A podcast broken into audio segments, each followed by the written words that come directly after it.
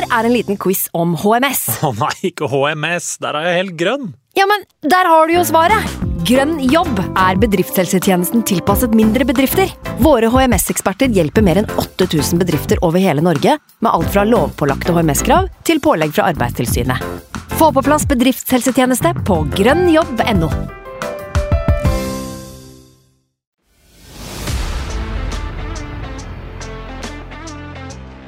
lose a duel, I'm upset.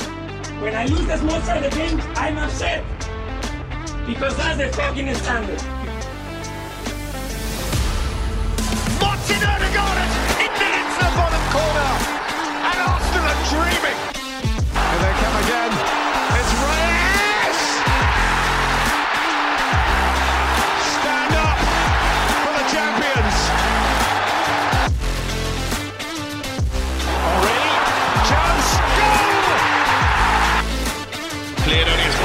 As has to get his shot right.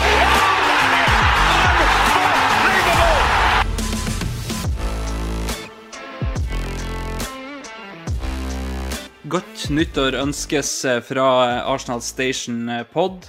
Eh, dessverre ikke med den nyttårsfeiringa som mange Arsenal-fans hadde ønska seg. Det skal eh, så klart eh, dissekeres eh, i eh, dagens episode. Og så er jo januarmarkedet åpent, det må jo så klart prates om.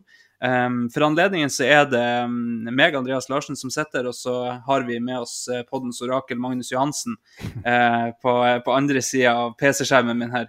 Uh, Sivert han er rett og slett eh, til, til anklene og knes og hoften i snø, så han, eh, han eh, spurte om å få stå over i dag, så da fikk han muligheten til det.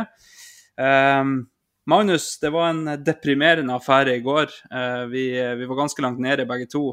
Vi kjørte litt terapi på chat, men, eh, men det, vi var vel enige før innspilling om at en natts søvn, det, det hadde vi godt av her.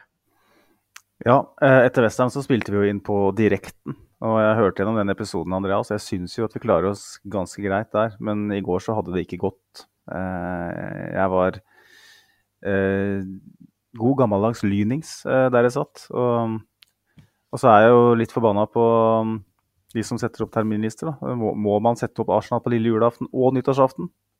Må man liksom plassere Arsenal midt i kalkun og, midt i julemat? Er, er, det, er ikke det litt dårlig gjort? Fordi, for de av oss som har familie å ta hensyn til, så, så er det vanskelig å omstille etter noe sånt. jeg satt jo oppe med eldste dattera mi, og med en gang kampen er over. Og jeg har ikke vært så langt nede fotballmessig på ganske lenge. Eh, hadde den, den eh, ødelagte korkopptrekkeren vært der, så hadde den flydd vegg, veggimellom. Og da er det sånn umiddelbart Nå skal du spille Uno og DOS med, med dattera di, du. Eh, og du skal smile og le, og du skal eh, vente på nyttårsraketter og late som livet er perfekt. Så en liten bønn til, eh, til Arsenal. Ikke Arsenal, til, til de som setter opp terminlisten. Prøv å ta litt hensyn. Ikke sette opp de samme lagene på merkedager hver gang. Jeg er veldig glad ikke Chelsea-supporter som hadde kamp på julaften. Det er jo liksom det ultimate. Men uh, s- et kjempefjell å bestige eh, rent eh, mentalt for meg for å, å klare å ikke være direkte ufin og usaklig i alt som foregikk etterpå. Så eh, det er jo Du sitter jo der med ei dame som er sprenggravid, ikke sant? Og når som helst så kan, eh, kan den tuta gå av, og man må, må av gårde. Eh, og så Jeg vet at det er veldig altoppslukende når man er så nære. men sier litt da om hvor, hvor jævlig den kampen var i går, når jeg hører fra deg at du òg er forbanna, liksom, pga. den fotballkampen. Ja, um nå, eh, nå ble det jo nevnt på slutten av episoden eh, sist, Magnus, at hun satt jo til terteriet. Eh, og det har hun egentlig eh, Det vil si, hun har gått med riet siden da. Hun har egentlig gått med sånn smårie siden den 19., så det her begynner å bli relativt slitsomt for hennes del. Eh, men, eh, men det, er litt som, ja, det er litt som en offensiv lag- lagdelen til Arsenal. Det blir liksom aldri noe av det. Nei, det er liksom akkurat det. Så vi, vi vet jo at, at Arsenal kan løfte oss fra de dypeste daler, og de kan sende oss rett ned igjen òg. Og, og når det var nyttårsaften, og, eh, og jeg og hun sitter her inne istedenfor å dra ut til, til øya til familien min for at vi er redd for fødsel, um, så sitter vi liksom her alene og spiser kalkun, og så taper Arsenal i tillegg og, og, spiller ganske dårlig. Så var det en ganske ræva nyttårsaften. ass. Det, det må sies. Um, så da, da, er det godt å ha ei chatgruppe og, og, sende litt eder og galle ut i. For, um, for det, var, det, var, mye som ville ut i går. Um, det, det, var jo sikkert for Sivert òg, som var på, på, byen i går, men uh, kanskje på en litt annen måte. Vi, vi har jo ikke sett så mye ordentlig dårlig fotball på en god stund, Magnus. men men i går det var relativt krise. Eh, vi kan jo starte med, med det som var et eh, litt overraskende laguttak, med en Zinchenko som plutselig hadde et eh, problem i, i leggen, vel. Eh, der var det Kiwior som kom inn. Eh, Kai Havertz så klart tilbake da, eh, fra suspensjon. Og så eh, framover så var det jo plutselig litt overraskelser der òg, med at eh, Edin Kettia fikk en start. Eh, det ryktes at Jesus var litt sjuk. det er litt sånn uvisst egentlig hva som egentlig har foregått der, men det var en Kettia som fikk fikk muligheten. Jeg vet ikke hva du tenkte når du så uh, elveren, Magnus? Helt ærlig, um, nå har mitt uh, uh, skal jeg si, det stempelet jeg ga meg sjøl som poddens negative halvdel en gang i tida, nå tredjedel, etter hvert blitt forvitra litt, akkurat det. Men i går så var jeg ikke positiv når jeg så den lagoppstillinga. Eddie Nketia eh, på borte, bortebane har ikke skåra på et år. På nøyaktig nyttårsaften mot Brighton for et år.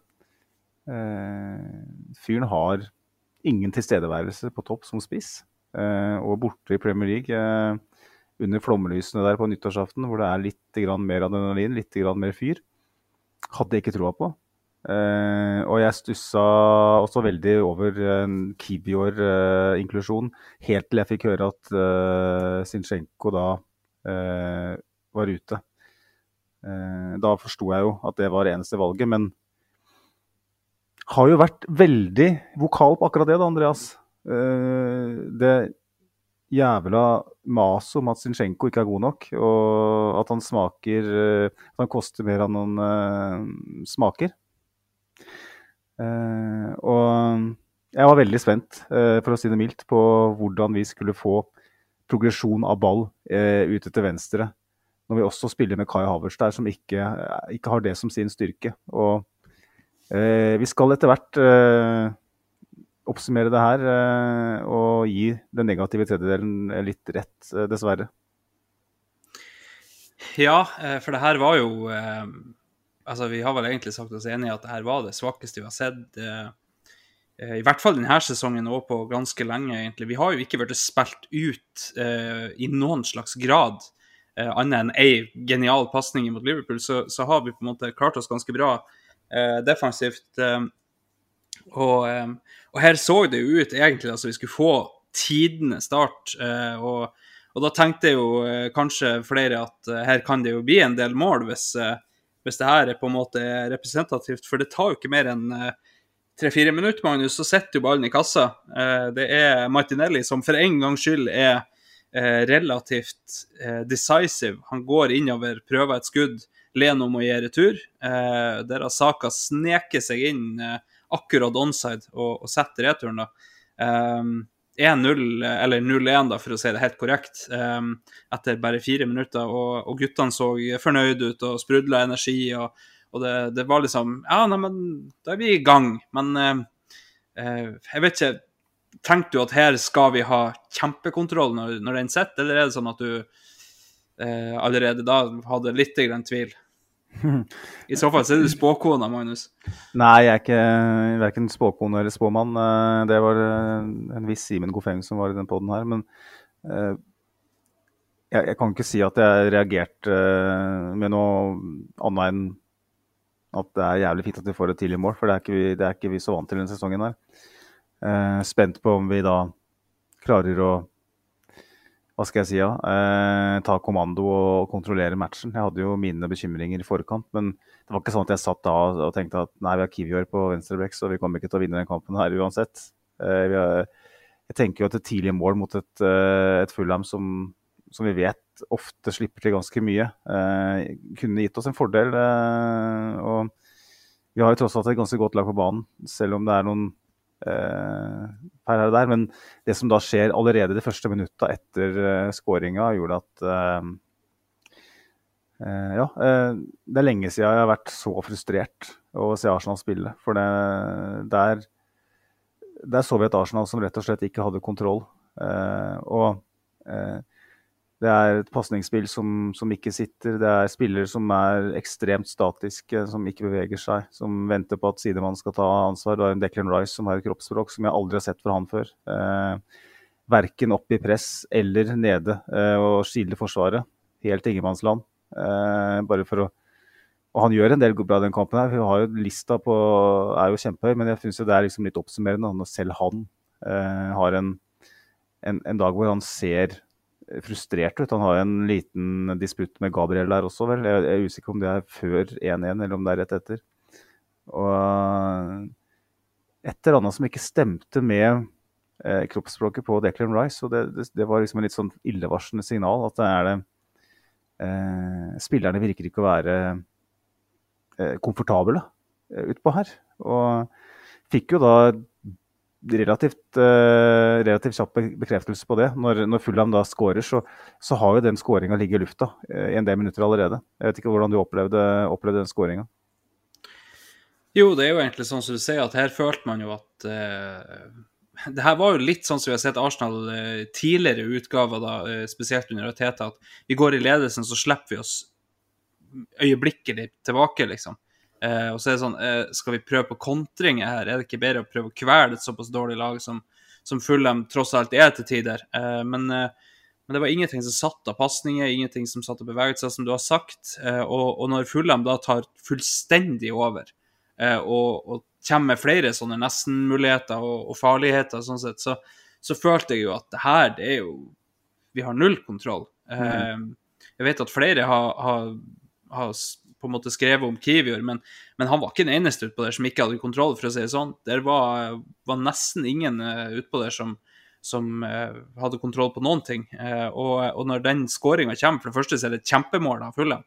Det er jo nydelig for, uh, angrepsspill sånn sett. Uh, ruller opp på venstresida, slår inn, og uh, Kivior har ikke klart å følge mannen sin, for så vidt. Men, men ja, det er jo et, et fint mål. Uh, Raja kasta seg forgjeves etter den. Jeg skrev ut dere litt sånn for å skape en, en, diskusjon om er det sånn at en skikkelig matchfit remstel Ramsdale kanskje tar den. For det er keeperhøyde, og det er relativt midt i mål. Uh, han rekker å hive seg etter den, men går under han. Ja, det, det, er vanskelig å si, og det, det, er ikke en diskusjon vi skal gidde å ta i dag. Men, um, men man føler som ikke at Raja er den som beiler ut de framfor seg, i hvert fall, når de gjør en feil. Um, så står det 1-1, og og vi ser ikke ut som vi egentlig har lært noe uh, ut av det vi har gjort feil så langt i kampen. Vi prøver å, å få til noe pasningsspill, men det er Ja. Uh, Nketia har vel to muligheter til å bli spilla gjennom. Ødegaard setter den bak han på begge mulighetene. Det sier jo ganske mye når, uh, når så gode spillere ikke får til å sette det i femmeterspasning engang. Mm. Da er det et eller annet som ikke stemmer. Og dessverre så var det for samtlige i dag, eller i går, da. Um, og ikke bare et par. Um, jeg syns jo vi må, vi må, prate litt Vi kan jo uh, bare kvittere ut uh, uh, 2-1-skåringa først da, Magnus, før vi på en måte går litt mer sånn systematisk til verks på hvordan ting så ut. Um, vet ikke hva du føler når, når den 2-1-skåringa går inn. Det er jo òg for så vidt Det er jo etter at vi vi har jo hatt en pause. Vi har hatt Nariteta som garantert har gitt de hårføneren i, i, pausen og gitt de beskjed om hva som må skje og alt det der. Men um, så er det jo ikke vi som på en måte uh, får, får, neste stikk. Det er Fulham um, som får uh, det eneste stikket etter 1-1. Um, vet ikke hva du tenkte når, når 2-1 var et faktum der? Så det er en sånn scoring som du dessverre kan slippe inn, da. Um, nå er det sånn at uh, volum teller i fotball. Uh, antall skapte sjanser, antall dødballer. Uh, sånne ting har veldig mye å si. Hvis du har mange flere dødballer enn motstander, så er det en veldig god sjanse for at du scorer på det, og dem ikke. Og dette er vel Jeg vil tro kanskje den første gangen Arsenal taper i cornerstatistikken. Jeg har ikke tallene på det, men jeg, jeg, det var jo 4-0 på et tidspunkt der. Jeg tror jeg hadde én eller maks to cornere. Mm. Et, og Arsenal på dødball blir jo haussa opp av eh, late eh, mediepersonligheter som eh, får betalt for å sitte i studio og si at ja, men Arsenal er det beste dødballaget i Premier League, osv., osv. Og så glemmer de en jævla viktig nyanse. Arsenal har 158 cornere i Premier League. Det er 30 mer enn noen andre. De har skåra 11 mål, men det er også uh, det er lag som ligger tett opp mot det, som har langt færre cornere. Jeg fant ikke noe sånn derre eh, konversjonsrate på det, eller noe sånt tall på liksom, eh, antall mål per corner ish, eller antall corner per mål, er vel mer riktig å si. Men at Arsenal er best i klassen på offensiv dødball, sånn, hvis man ser liksom på hva man får ut av per corner, det tror jeg ikke. Det er jeg ganske sikker på at vi ikke er. Det ser man med de cornerne som blir stoppa på første stolpe. Eh, jeg vet at uh, du bl.a. er ganske lei Trossard uh, i den rollen uh, som cornertaker. og ja. samme på defensiv dødball. tallene forteller oss vel at vi har 51 cornere imot. Det vil si at vi har over 100 corner mer for enn imot. I seg selv ganske sinnssykt. og her er det også nesten 30 cornere ned, eh, eller opp til nestemann. Eh, jeg sitter med tallene foran meg nå. Jeg ser Aston Villa har slipp, Nei, Brighton har 78 eh, corner imot. Dem er vel noe Nei, jeg sitter forresten med 73, da, så litt over 20. Litt over 20 cornere. Eh, flere mot, oss, mot seg enn det vi har. Og vi slipper jo veldig, slipper veldig sjelden inn på defensiv dødball. Men det er ikke så jævla rart. Vi, vi, vi gir jo ikke bort defensive dødballer, nesten. Eh, for hver eh, eh, defensive dødball vi gir bort, så har vi tre offensive. Klart at Sånn som detaljfokus har blitt i Premier League. Eh, alle, alle lagene har en, en dødballcoach, ikke sant? mange har en innkastcoach. Det er ingenting som blir til, etterlatt til tilfeldighetene. Så det er åpenbart at Arsenal kommer til å komme godt ut på den statistikken. Og det er lat analyse å, å si at Arsenal er så jævlig mye bedre enn alle andre på, på dødball, for det er vi ikke. Nå slapp vi inn mot uh, Westham på corner. Det var en um, når, vi, når vi satt og snakka om det i forrige episode, så hadde ikke jeg sett reprisa, men nå har vi sett litt mer på det. og Det er det vel Sinchenko som skal bremse løpet til Mavropanos, ikke klarer det. Jeg, jeg kan tilgi ham for det. Du setter en, en slank tolvåring mot en uh, jævla bulldoser. Det føles litt sånn når Mavropanos setter av gårde der. Så taper Gabriel i lufta. Uh, det er et mål du kan slippe inn, i min bok. Uh, kunne gjort ting bedre, men hvor mange ganger setter Mavropanos den? Han går stolpe inn. Um, den mot den Fulham-matchen, det er veldig mye klabb og babb. Den har jeg ikke sett i reprise. Uh, jeg har ikke orka det. Men jeg kan takle at vi slipper inn en defensiv dødball iblant. Jeg kan, men jeg kan òg erkjenne at den der, der diskusjonen om at Arsenal er så ekstremt gode på, på dødball, er litt vi er gode på dødball, men vi er ikke så gode som det media skal ha, til, ha det til. Da. Fordi at volum har veldig mye å si. Ja, det har det. Det er klart um, det, det, er jo på en måte litt det som har vært mantraet vårt når vi har prata om at vi har litt lite, lite mål i, i, fra åpent spill og sånn. altså eh, ja, men vi skårer jo en del. Jo, men det er fordi vi får så mye dødballer. Hvorfor får vi så mye dødballer? Jo, fordi vi skaper en god del. Vi står ganske mye på motstanders eh, halvdel. Og så er det det der med at eh, det er law of averages. Når du har x antall cornere, så kommer du til å score på noen av dem. Eh, ikke hvis Trossard tar dem, for da går det ikke over første mann på uh, første stolpe. Men når, når, Martinelli eller Saka tar dem, så er det som regel relativt bra slått, mye av det. Um, og, og, vi har uh, altså vi har store karer i laget. Vi har Saliba, Gabriel, vi har Havertz, vi har Declan Rice. Det er, det er spillere som er gode i, i duellspillet. Um, så det sier seg egentlig litt sjøl. Eh, jeg syns kanskje det er litt rart at de fortsetter med samme trekket på alle dødballene. Eh, slå på første og stuss, det er liksom Det er spennende, faktisk, fordi at av øh, øh, Nå er det jo 158 corner Arsenal har hatt. Mm. Og så på statistikkene forteller at det er øh, 130 av dem som har blitt tatt på ordinært vis. da, Ikke blitt sendt som en pasning til en som står ved hjørneflagget. Så 130 mm. cornere som da blir slått inn direkte. Mm. 129 er innsvingere. Én er utsvinger. Ja. Og, og nesten alle av de lander på rundt første stolpe der. Yes. Eh, For det, det er så tydelig at det er Og ja, kanskje det er et eller annet de har funnet, at statistisk sett så er det mer sannsynlig eh, å score hvis du slår på første, og du har løpene dine der, og så blir det en ny situasjon bak hvis den stusses, og så i det hele tatt. Men, men det ser litt dumt ut, spesielt når Trossar står og slår fem cornerer på rad på første mann som bare heades ut. Det er liksom sånn, Hvis han er så dårlig å slå cornerer, så må han faktisk bli tatt av cornerer. Eh, eller dødballer generelt. Han har ikke så veldig mye bra frispark heller. Um, men, men det er jo en slags digresjon i det der. Men, men at vi Kan, kan, får- noen fortelle, kan noen fortelle at Mertesaker ikke står på første stolpe der og stusser videre? Ja.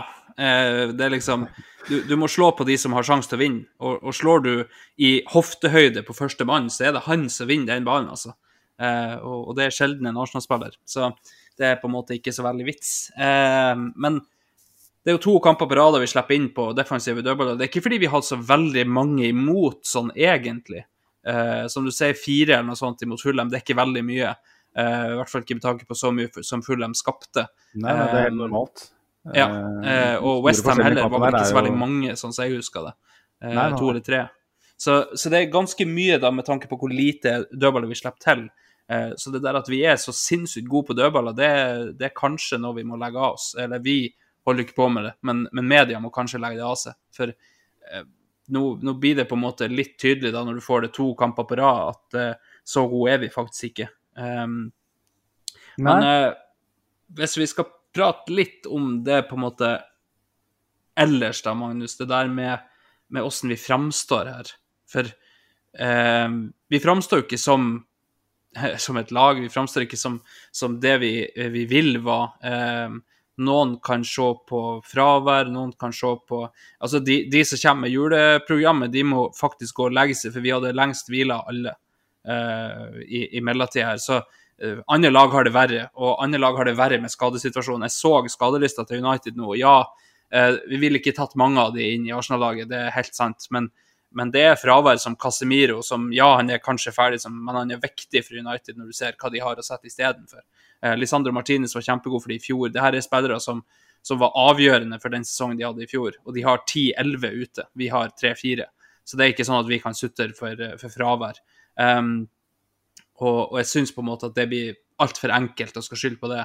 Eh, det eneste fraværet vi kan skylde på her, Magnus, og, og da er ikke det liksom i den der ah, vi hadde skadeplager, så derfor så var det feil. Men det er fordi vi mangler en eh, Kanskje den viktigste eh, i ballprogresjon da, i, i troppen vår. Vi har prata mye om Zinchenko i det siste, Magnus. Eh, både jeg og du og jeg og Sivert på chat, og, og i det hele tatt Sivert mener at han ikke er god nok.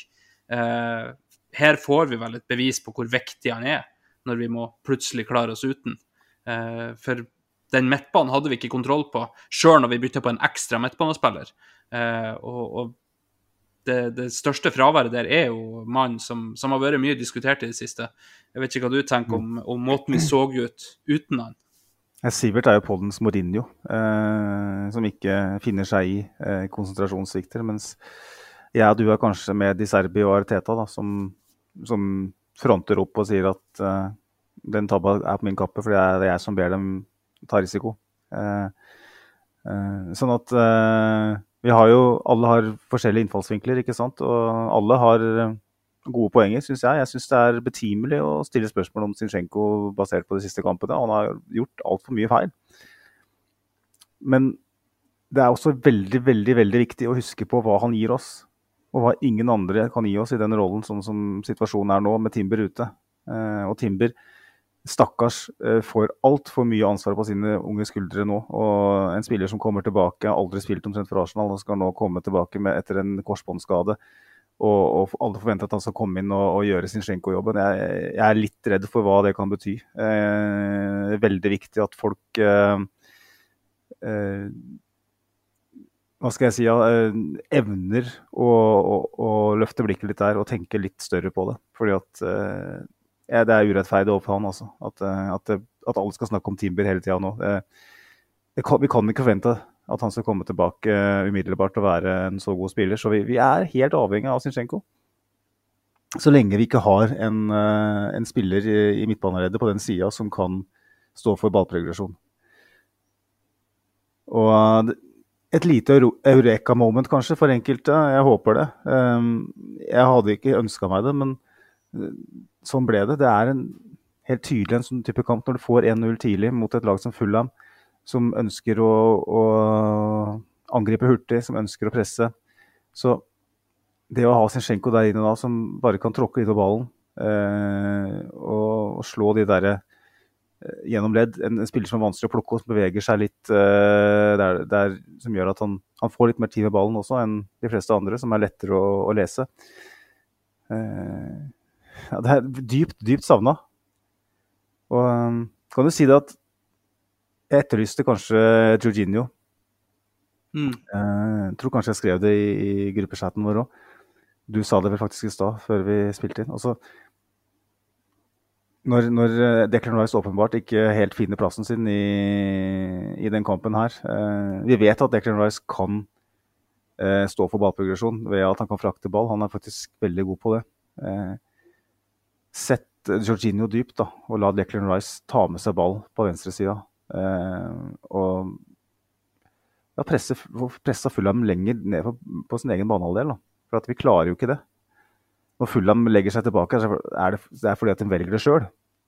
Eh, fordi at man har kommet så langt i matchen at man ok, nå leder vi, vi har 2-1. Arsenal ser eh, rådville ut. Eh, så, så kunne man kanskje gjort det. Jeg vet ikke. Det, vi vet ikke. Jeg vet ikke hvordan fysikken til eh, Jorginho er heller. Han har vel ikke spilt etter at han kom tilbake fra skade. Nei, han har vel to-tre eh, kamper på benk, vel. Så det kan godt hende at det er noe der også. For det er er rart at Teta ikke setter inn han når, når vi vet hvor høyt han setter den. Og når vi ikke har Mm. kontroll. Jeg tror det må være noe fysisk. Jeg, tror, jeg er nesten overbevist om det, for Jorginho er Artetas mann. Han vet at hvis vi ikke har kontroll, da setter vi inn Jorginho. Husker Villa i fjor, f.eks. Eller i Mm. våres, når vi hadde null kontroll. Jorginho kom inn eh, Kom han inn allerede pause, eller kom han rett etter pause? I hvert fall så kom han inn og bare tok tak i kampen. Mm. Og sto for egentlig den dominansen vi hadde, som gjorde at vi vant den matchen. Og dette var en match som ligna litt på den Villa-matchen, syns jeg. Eh, forskjellen er at Saka ikke setter den som dropper fra himmelen. den satt mot Mm. Villa. Eh, så eh, vi hadde rett og slett ikke verktøyene til å altså, Man kan begynne å ta Smith-Roe-praten, selvfølgelig kan man det. At han nå kunne stått for ballprogresjon på sin måte. Eh, men så lenge man spiller med Havertz der, som er veldig god på det han er god på, eh, og en Martinelli som skal ligge lenger fremme, så det, det, det er vanskelig å se for seg hvordan man skal få eh, gjøre noe av det Zinchenko sørger for i laget. Da. Og jeg syns det her er et godt eksempel på at uh, vi må bare tåle noen av de feilene han gjør uh, defensivt. For det er, det er som vi sa før på, vi spilte inn, Andreas. Liverpool har en høyreback uh, som vel, vel å merke spiller ganske fritt nå om dagen, men som har spilt høyreback stort sett i hele sin karriere. Eh, som Klopp plukker uke etter uke. Det spiller ingen rolle hvem som spiller høyre indreløper, om det er en uh, offensivt uh, anlagsspiller, en defensivt anlagsspiller. Han spiller alltid med Alexander Arnold. Og Liverpool-fansen i fjor var så i harnisk. Geir Southgate vil ikke plukke den, men Klopp plukker den og plukker den og plukker den. Og Vi ser hvorfor nå. Liverpools defensive lagdel er ikke den beste. De lener seg veldig på det offensive.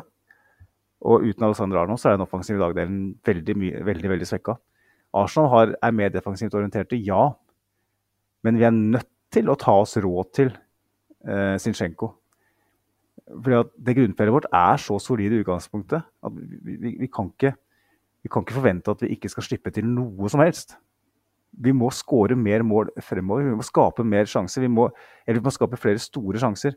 Og uten Zinchenko, uten en på venstresida som kan stå for ballprogresjon, så, så evner vi ikke å få ballen hurtig nok inn i farlige soner, som gjør at det er enkelt for motstanderen å, å doble opp mot Martinelli og doble opp mot Saka.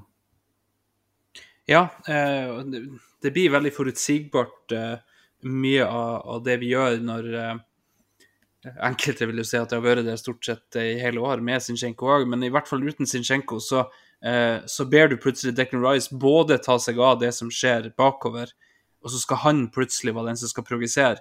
Han prøver et par pasninger i ene ledd, men han har ikke kvaliteten som Zinchenko har. Um, I tillegg til at der han plukker opp ball, der han får ballen, er et ganske mye mer folksomt område da på banen enn det Zinchenko ofte får. Som du ser, han er veldig god til å finne seg et rom der han har det sekundet, det halvsekundet ekstra i forhold til de rundt seg.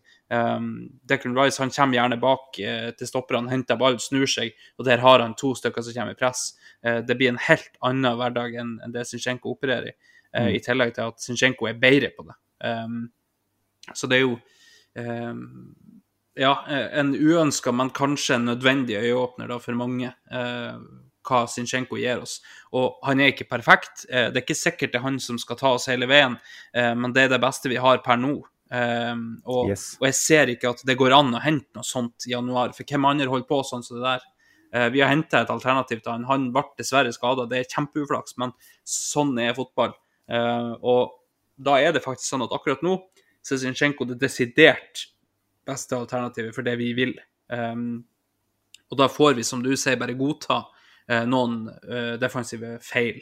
Eh, og så har det vært for mye av det i det siste, det, det må vi være ærlige og si. Men, men samtidig, hvis du får uttellinga di andre veien, så har ikke det så mye å si. Eh, vi alle sammen vil dra fram det her jævla kampen mot Liverpool, men, men det er én sjanse. Altså, det skal ikke være så brutalt. Eh, men så brutalt er det når, når den som står på andre sida, er Sala. Eh, nå så jeg at han bomma på straffe akkurat eh, i stad, Magnus, eh, så det er jo litt gledelig mot Newcastle. Men, eh, men altså, det er antageligvis verdens beste høyreving eh, akkurat nå, eh, og har vært det over en par-tre sesonger. Så eh, det, er, det er ikke sånn at du kan forvente at en, en sånn spiller som Zinchenko skal stoppe han. Eh, men Eh, tilbake til, til kampen i går, da, Magnus. Vi har jo fått noen innspill, og med tanke på litt den der midtbanekonstellasjonen vår, så, ehm, så tenkte jeg at uh, innspillet fra William Gustafsson, uh, at William Gustaf 11 uh, på Twitter, var litt interessant. Um, undervurderer vi savnet av TP5, altså Thomas Party. Uh, snakkes mye om Sjaka, men nå trekkes Ødegaard mye dypere, og Rice dekker enorme rom klarer ikke å slippe fra meg tanken om hvordan ting ville sett ut med Thomas Party.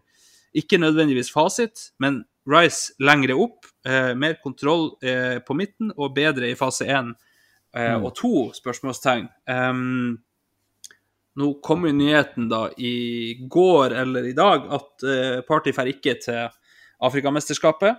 Eh, han blir igjen i London og og skal fikse den skaden sin. Eh, fotball, eh, Om det var treneren eller manageren, da, eller om det var fotballpresidenten i Ghana som uttalte nå at dette er den styggeste skaden han har hatt, eh, og at derfor må den på en måte eh, tas mer seriøst og, og fikses litt saktigere enn de han har hatt før. Eh, det vil jo da si at det har ikke egentlig så mye å si. Eh, han er ikke tilgjengelig i januar antageligvis uansett, men savner vi Thomas Party nå, Magnus? hadde det hjulpet på dette problemet her? William er en klok mann. Det har jeg eh, etter hvert skjønt. Eh, vi hadde også en liten Twitter-passiar altså på nyttårsaften hvor, hvor han støtta min, eh, min Zinchenko-agenda. Så om han ikke, ikke, er klok, så er han iallfall like klok som meg, da. og jeg er helt enig med Thomas Party-poenget. Thomas Party-poenget, Det hørtes litt sånn rart ut. Thomas Party-poenget. Trykk er viktig. Uh, jeg har jo etterlyst Thomas Party egentlig hele sesongen, bortsett fra noen få kamper. Um, hvor vi hadde hvor ketsjupkorken gikk av og vi begynte å skape målsjanser. Men før det så snakka vi veldig mye om Thomas Party. Og uh, jeg snakka mye om at høyresida vår ikke er like produktiv. Um, og så, man, og så, er igjen, apropos late analyser, så er media kun ute etter å snakke om det trekløveret. White, Saka og Ødegaard. Så glemmer man Party, som var en viktig del av, av, av den lagdelen. De der tidlige inne... In, Kall det eh, ballen i bakrom med, med innerskru til Saka. De slo han mange av, altså. De kom tidlig. Thomas Party er en spiller Jeg ser for meg at Teta tenker at han er litt sånn eh, Det er en pris han må betale for å ha Thomas Party i laget. For at han, han kan improvisere på godt og vondt. Du ser når han spiller høyreback, hvor han ruser ut. og Han er ikke en spiller som spiller på det trygge. Eh, og Det er litt av årsaken til at vi fikk så mye ut av han også i, i fjor. For han står i det midtbaneredet øh, tar ta, risiko øh, når han øh, vin- prøver å vinne ball. Og når han vinner ball, så tar han risiko i avleveringene. Eh, og han har en godt blikk på spillet. Han er ekstremt god til å dra av et ledd, og han har en veldig god høyrefot. Så de ballene kom jævla tidlig mot, uh, mot Saka. Og da Nå snakket, snakkes det veldig mye om at Saka ikke utfordrer lenger, men Saka har også mye dårligere tid nå enn han hadde i fjor. Og det, det handler også om at uh, motstander tilpasser seg, at det legger seg dypere, at de er dobler opp på. den. Newcastle-kampen i januar i fjor det er sk mer skrekkelig for meg enn den, uh, det vi hadde i år. fordi det var det første laget som virkelig dobla på Martinelli og Saka, og, og lyktes med det. Og etter det så har vi dessverre møtt mye av det. Men uh, Thomas Party kunne løst opp i mye av det, helt klart. Um, Declan Rice har det aller meste, men Thomas Party har kvaliteter også som Declan Rice ikke har. Så må jeg også si at uh, det var vel, Hvem var det som hadde innspillet, Andreas? Var det Dial Norge? Uh, at vi savner den trioen med Rice, Ødegaard, Party. Mm. Også på Twitter. Uh, og det er jo enkelt sagt, for så vidt, men det er noe i det. da. Eh, Sjaka eh, er jo også en som står for ballprogresjon. Vi snakka mye om det i, i, eh, i de episodene før sesongen, at det å fjerne den plattformen, fjerne både Party og Sjaka samtidig, det er en voldsom risiko, for det var plattformen vi trengte. For begge var rutinerte, store personligheter som sto for ballprogresjon på hver sin måte. Jeg vet at Sjaka sin rolle var litt mindre ballkontakt, eh, for så vidt, men han hadde fortsatt der, de der kanalmarkkryperne til Martinelli flere ganger. Det er Martinelli som også eh, sliter. Så det er eh, For oss eh, ulærde lekmenn så er jo det en sånn fristende eh, tankegang, da. Er, det, er det så enkelt at vi har mista to spillere i det leddet som er så gode på ballprogresjon? Og som da i tillegg tar ut Zuzjenko, som jeg snakka om, så, så går det rett og slett for sakte. Vi husker Liverpool eh, for noen år siden uten van Dijk, eh, uten Matip. Spilte med Nat Phillips og sånn i midtforsvaret. Eh, spilte med eksakt samme offensive spillerne. Men selv Salah så ikke ut som noe som helst. Fordi at ballen kom altfor sent til han. Mm. Um, et, i en kamp som mot Fulham, hvor det er omstilling, hvor Fulham presser oss, så, da, da syns jeg vi ser det. Jeg er mer usikker når vi møter de dype blokkene eh, på hjemmebane. Når vi, det både legger seg dypt, så da, da Ja, da er det bare skuddfoten fra utfor 16 du savner. Yes. Men i sånne kamper som det her, og det er en del av det òg, så, så tror jeg nok det er et poeng, altså. Ja, eh, det er jo litt det der med at eh, Som Dial er inne på her, så, har vi på en måte fjerna to av tre nå fra midtbanen. Én ufrivillig og én meget bevisst. Eh, Så kan vi jo Alle ser statistikken til Sjaka, har ikke tapt ennå i Tyskland osv., osv., men det er en helt annen liga, skal først sies. Og så, og så er det kanskje et lag som bygger veldig på hans styrker, det òg. Men uansett så så er det jo Thomas Party vi har i klubben ennå. Og, og det var ikke tvil om at eh, Hvis du skulle se på en måte eh, den jobben de gjorde for ballprogresjon, så var det vel ikke tvil om at det var Thomas Party som var mest viktig i fjor.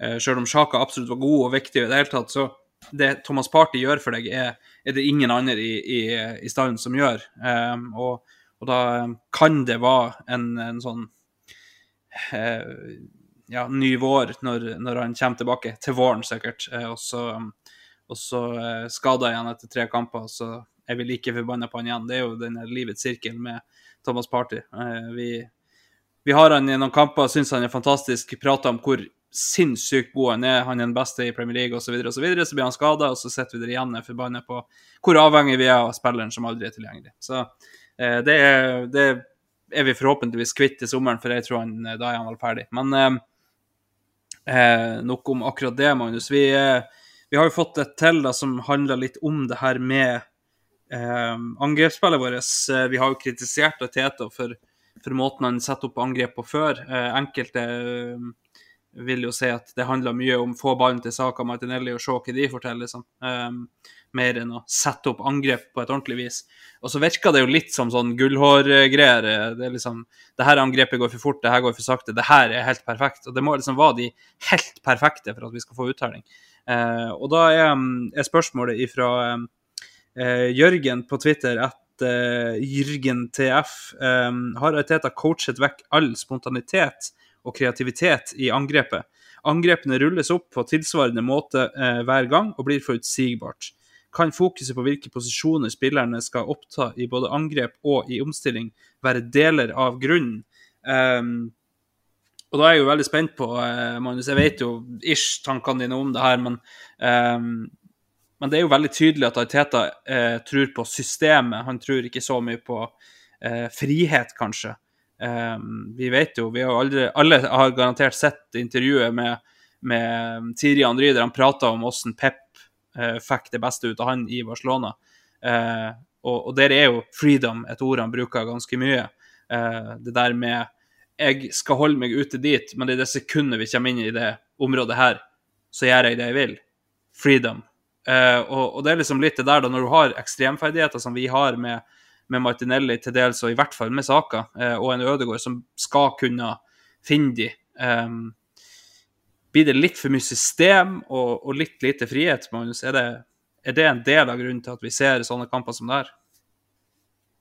Ja, altså Kamper som det her ser vi jo veldig få av, da, heldigvis. Men, uh, mm. men, sånn, men sånn fra et offensivt perspektiv så kan vi jo trekke paralleller til, til andre matcher. Nesten gjør. Ja, i hvert fall, ja, tidlig, jeg syns vi skaper utrolig mye Eh, de siste ti kampene ish. Men mm. før det så var jo det her gjengs. Eh, eh, Rafa Ravirez på Facebook også skriver jo det er ingen motsatt bevegelse i laget. Bevegelsen i angrep er statiske. Lett å lese hva som kommer. Til tider ingen bevegelse, og spillere står på hver sin posisjon.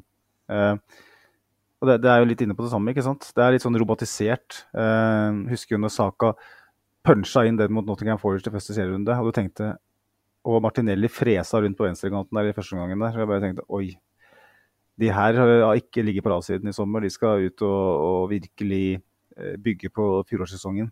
Eh, dessverre så har vi vel knapt nok sett en, eh, noe av det ettertid. Eh, Saka eh, virker ikke å helt tro på det når han trekker av. Eh, og det er sjelden han gjør det òg. det handler jo selvfølgelig litt om motstander, og det, nettopp det jeg snakka om i stad. at ja, Motstanderen er rett og slett for godt organisert eh, til at det er mulig å gjøre det her eh, på regulær basis. Men det er helt klart eh, et spennende tanke, eller en litt sånn skummel tanke, kanskje. Ariteta er jo vår mann, og jeg gidder ikke å gi jeg gidder ikke å fòre de trollene som driver og snakker om at Ariteta er feil mann og sånn. De gir ikke noe oppmerksomhet. Men eh, akkurat det med å coache den offensive lagdelen er jo en litt sånn spennende tanke. For han har jo åpenbart veldig fokus på eh, fundamentet. Det ser du jo i overgangsstrategien hans også. Han har vel knapt nok henta offensive spillere etter han kom inn. Han har vært der i fire år.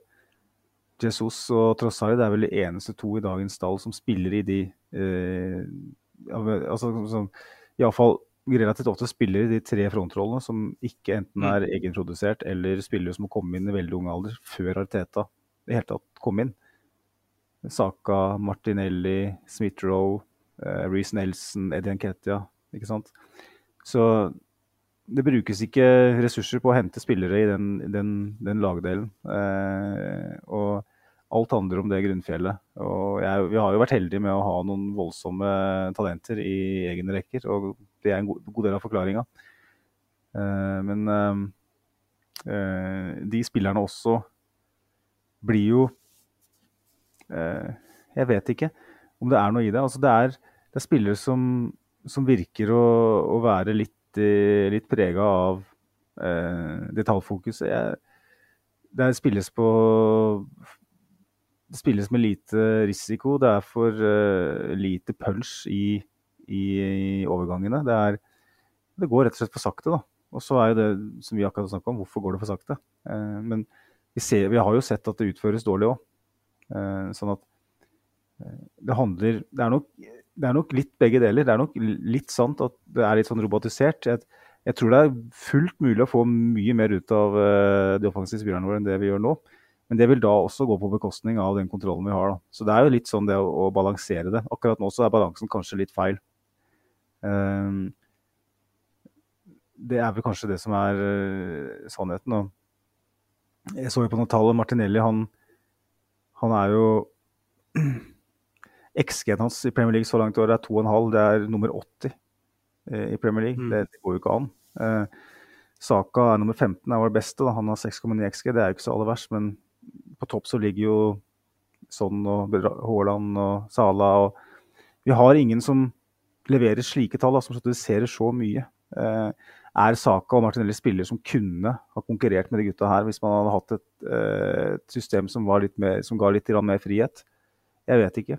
Eh, det, det, det, får vi kanskje ikke svar på på veldig lenge heller. Men per nå så, så funker, eh, funker, det liksom ikke helt det å Vi skaper mange sjanser, men vi skaper ikke mange nok veldig store sjanser. Det er ikke sånn at keeperne til motstander er kjempebissige hele tida.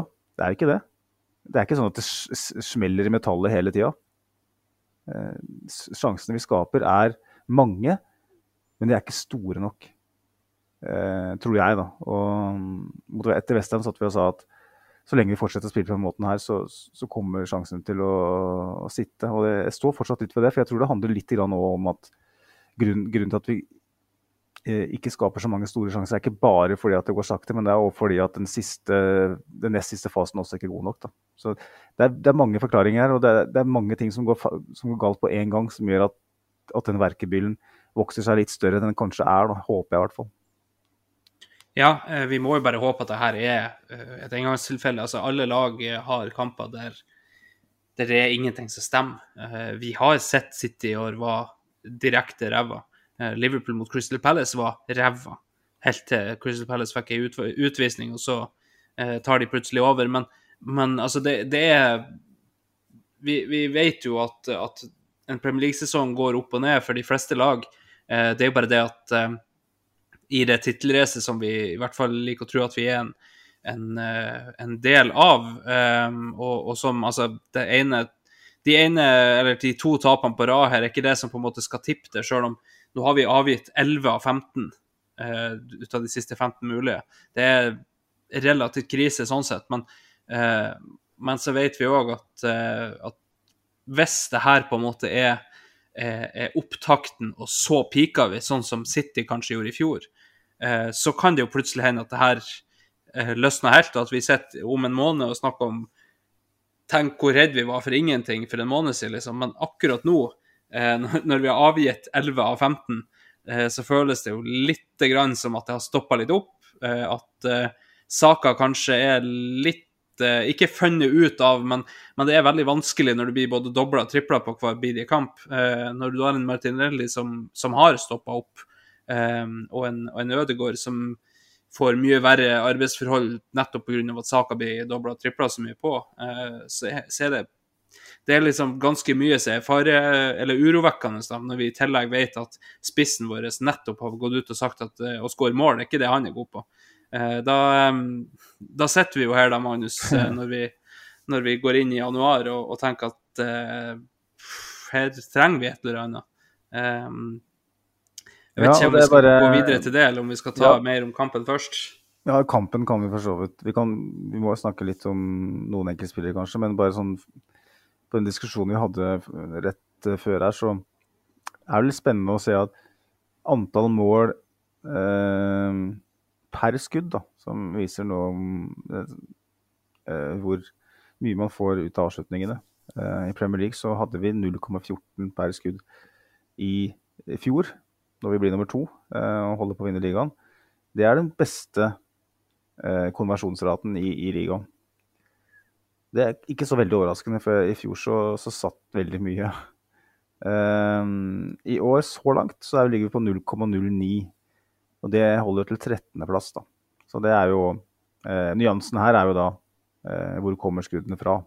Eh, mm. Hvor mange Hvor spissvinkel er det? Eh, hvor mange mann er det mellom Eh, garn og skuddfot. Men eh, likevel interessant. Det sier noe om altså Når man hører, hører det tallene om fjoråret kontra nå, så høres det jo litt sånn Man, man kjenner seg jo igjen, ikke sant. Så, så det er ganske sånn, ganske sånn oppsummerende. Um, så det handler mye om utførelse. Uh, I går så var det ikke utførelse på noe som helst, så vanskelig å liksom skulle bruke den kampen i går som noe sånn eksempel på hva som er galt med laget. Det, vi må heller se på Westham-kampen. Det er mye mer Mm. gjengs enn en, en Fulham. Eh, så eh, da, da, Andreas, er det jo eh, enkeltspillere som jeg snakker om, det kan du kanskje ta i, i relasjon til, til vinduet også. Jeg, har lyst- jeg har lyst til å deg, stille deg et spørsmål. Eh, Eddie Nketia eh, for noen måneder siden ble jo omtalt av oss også som en god backup. Eh, spiller en 90 minutter på bortebane. Eh, får ikke til noe som helst. Har ingen tilstedeværelse. Eh, kan vi leve med at vi har han eh, som starter så mange matcher før laget her? Altså, uten å der, eh, uten å ta den diskusjonen gjennom at vi må ha en spiss eller en kantspiller, men kan vi leve med det? Jeg syns jo eh, Altså, på en måte hver gang han har kommet inn i laget etter en liten periode ute, så har vi begynt å prate om han som at ja, men det her er jo bra. Hvis det er det her du får av han, eh, og bruker han som backup, så er det bra nok. Eh, og så syns jeg jo hver gang han får mer enn det vi håper av spilletid, så blir han veldig avslørt. Jeg har jo sagt i poden her tidligere at jeg er helt ferdig med Edin Ketia. Og og det er jo nesten sånn at du håper at ja, da tar du feil, han skårer hat trick i neste kamp og sånn, men, men så er det så lite som tyder på akkurat det. Han er så langt unna det vi har i Jesus. Eh, og de beste kampene han har spilt, så har vi gjerne sittet der etterpå og sagt det her er en av de beste i Jesus-imitasjonene han har gjort. Eh, og, og da sier jo det ganske mye om på en måte hva det er vi har, og hva det er vi trenger. fordi at eh, hvis det beste han kan gjøre, er å være en dårlig versjon av Jesus, for å skåre mye mål Vi vet at han har gjort det på ungdomsnivå, men det må vi slutte å, å dra opp. Ah, han er toppskårer for U21-landslaget til England. Ja, men Det er et helt annet nivå, for det første. Og for det andre så har han ikke vist de taktene i, som spiss for Arsenal. Han Nei, altså det er bare, bare, bare skyt inn det at, eh, det før det fortsetter, at uh, det er jo ikke noe godt tegn uh, at du spiller på U21-landslaget så lenge som han gjorde. eh, nødvendigvis. Eh, fordi at eh, hvis du er blant de største spisstalentene i England, så får du jo landslagsdebuten din på A-landslaget når du er 18-19 år, ikke sant. Så Mm. han var vel 24. Ja, og så kan man så kanskje snakke om Harry Kane er Ja, ja, ja. en sinnssyk kar framfor seg. Det er ikke, det er ikke, men, eh, men at han ikke var med før det, er jo ganske sykt. Eh, når du tenker på hvor, hvor høyt folk prater om han i forbindelse med U21-landslaget. Eh, og så må vi òg legge til at Gareth Southgate er en relativt spesiell nisse. Eh, som, for, som fortsatt starta med Henderson, sjøl om han er gått til Saudi og ikke spiller noe som ligner på competitive fotball lenger. Eh, så ja, det, det er en relativt spesiell sjef han har i dag, for så vidt. Men, men Edin Ketia er jo ikke verken det vi trenger, eller det vi, vi vil ha, eller, eller altså Av og til så er det sånn at uh, f.eks. med Zizjenko, at uh, det er kanskje ikke det enkelte vil ha, men det er akkurat det vi trenger akkurat nå. Uh, Edin Ketty er på en måte ingen av delene. Uh, vi har jo snakka om det tidligere, Magnus, at når han står klar på sidelinja, så føler vi på en måte at magen detter litt eh, ned i uh, Eller uh, hjertet detter ned i magen. da, At vi på en måte føler at OK, da, da skuer vi ikke noe mer med denne kampen. Um, og, og det, eh, det har vi jo da sagt at det, det sier veldig mye. Um, det, det sier oss eh, magefølelsen vår, det sier oss instinktet vårt og ryggmargsrefleksen vår når det er Edin Kettia som kommer på. Når, eh, når man på en måte står der før kampen, lagoppstillinga kommer ut, eh, og det er Edin Kettia som starter, så er jo ikke første in impuls å ja, ja, men han eh, har gjort seg fortjent til det, da syns jeg Teta han fortjener det, eller noe sånt. Første impulsen er jo hva er det som har skjedd med Jesus?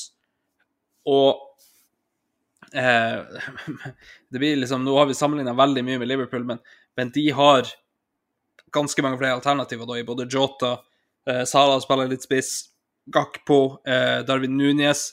Eh, spesielt de to, da, Gakpo og Darwin Núñez. Eh, der er det jo ingen som vet hvem som starta. Du har Louis Diaz på venstre, Jota starta som spiss av og til. Altså, det er liksom det der med at jeg tror ikke Liverpool-fansen, eh, når de ser laget før, tenker at å, herregud, i dag er det Darwin Núñez.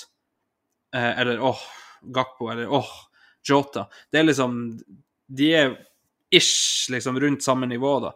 Eh, Drop-offen er ganske stor til en Ketia eh, fra Jesus. Eh, og så når enkelte da i tillegg mener at Jesus ikke er bra nok, så kan på en måte ikke diskusjonen være eh, er en Ketia bra nok. Eh, for, for, hvis han er et drop-off fra det som enkelte mener ikke er bra nok, så er han jo ikke det. Eh, og, og, et lag som på en måte skal gå etter ligaen, eller gå etter de store trofeene, eh, kan ikke ha en sånn drop-off. Um, jeg, jeg, jeg syns jo det, Magnus, at, at diskusjonen om en Ketia kan jo til dels dreies videre til Reece Nelson òg. Eh, når du har drop-offen fra det som enkelte mener ikke er bra nok i Jesus, eh, og så ned til en Ketia, og så har du drop-offen fra en Martinelli som ikke leverer, og det eneste alternativet du har, er Reece Nelson, som har gitt oss en to-tre mål sent i kampen. Altså, Vi husker Bournemouth, og det, det, er fantastiske minner og alt det der, men, men hva er det han egentlig har levert for oss? Alle har snakka om potensialet hans i så mange år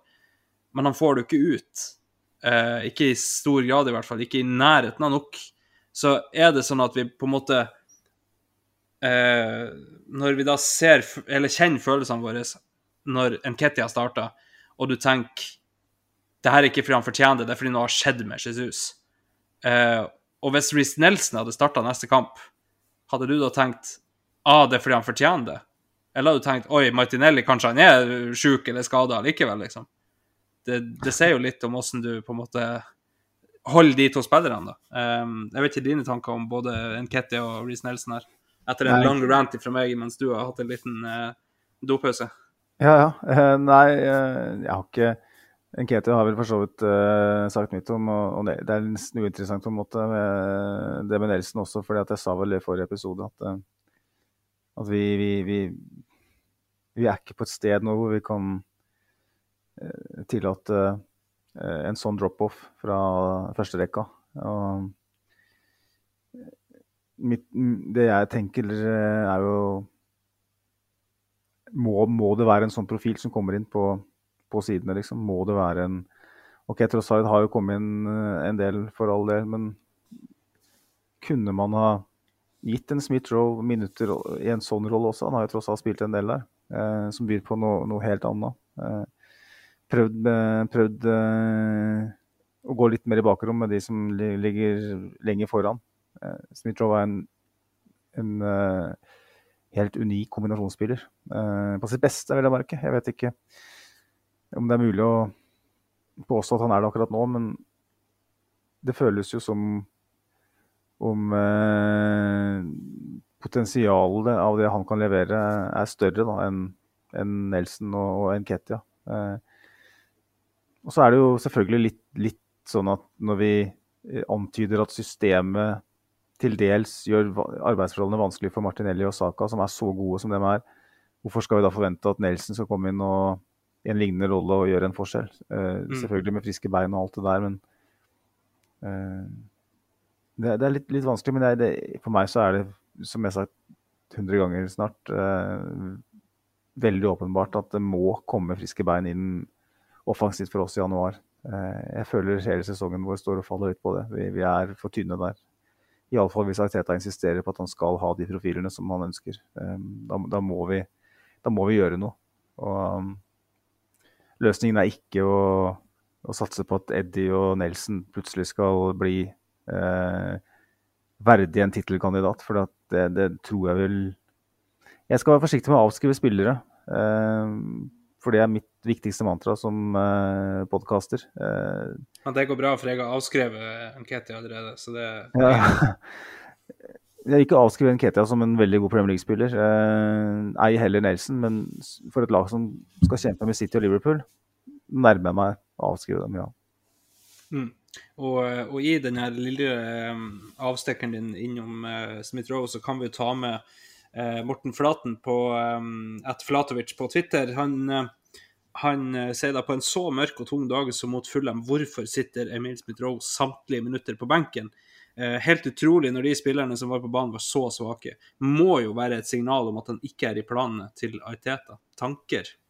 Eh, og det, det er jo litt sånn da, Magnus, at vi eh, eh, Vi eh, har jo etterlyst Smith-Roe, så er det litt sånn Er han fysisk klar til å spille masse minutter? Eh, det er for så vidt greit.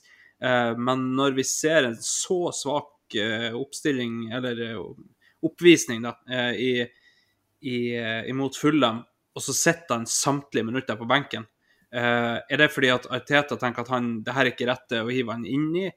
Eh, tenker han, er, han, er han så på en måte inni det der han har sett innpå, at det, det er det her som skal gjøre det for meg? Eller er det her rett og slett tegnet på at nå er, er det ferdig? Vi vet jo at managere tidligere har på en måte eh, vist litt til styret at det her er det jeg har å jobbe med, eh, før overgangsvinduet og sånn. Og så er det kanskje det er en ekstremversjon når du taper to kamper på rad, og, og den siste så er alle dårlige, og du setter innpå to eh, spillere, den ene som var elendig mot Westham, og den andre som egentlig ikke har gjort noe særlig siden han skåra på overtid mot uh, Bournemouth. Uh, er det sånn at Emil Smith-Roe er bortimot ferdig i klubben? Er, det, er vi kommet dit, liksom? Jeg syns jo den matchen vi eh, oppsummerer nå, eh, er kanskje den tydeligste tegnet på, på det. da. Fordi at han har jo kommet inn nå i ti minutter her og ti minutter der. Og for meg så har jeg, jeg har tenkt litt at kanskje er det der han er fysisk, da. Kanskje eh, er det veldig veldig forsiktig matching som skal til for, for Smith-Roe. Eh, kanskje trenger han rett og slett å tilvenne seg det integrale systemet som Arteta har skapt i hans eh, 18 måneders lange fravær. Eh, Men eh, når vi ligger under med 2-1 her, og det er så åpenbart en rolle for Smith-Roe, spesielt tidlig i andre omgang når det er uh, omstilling Uh, så, Ja, vi trenger en som kan frakte den ballen framover.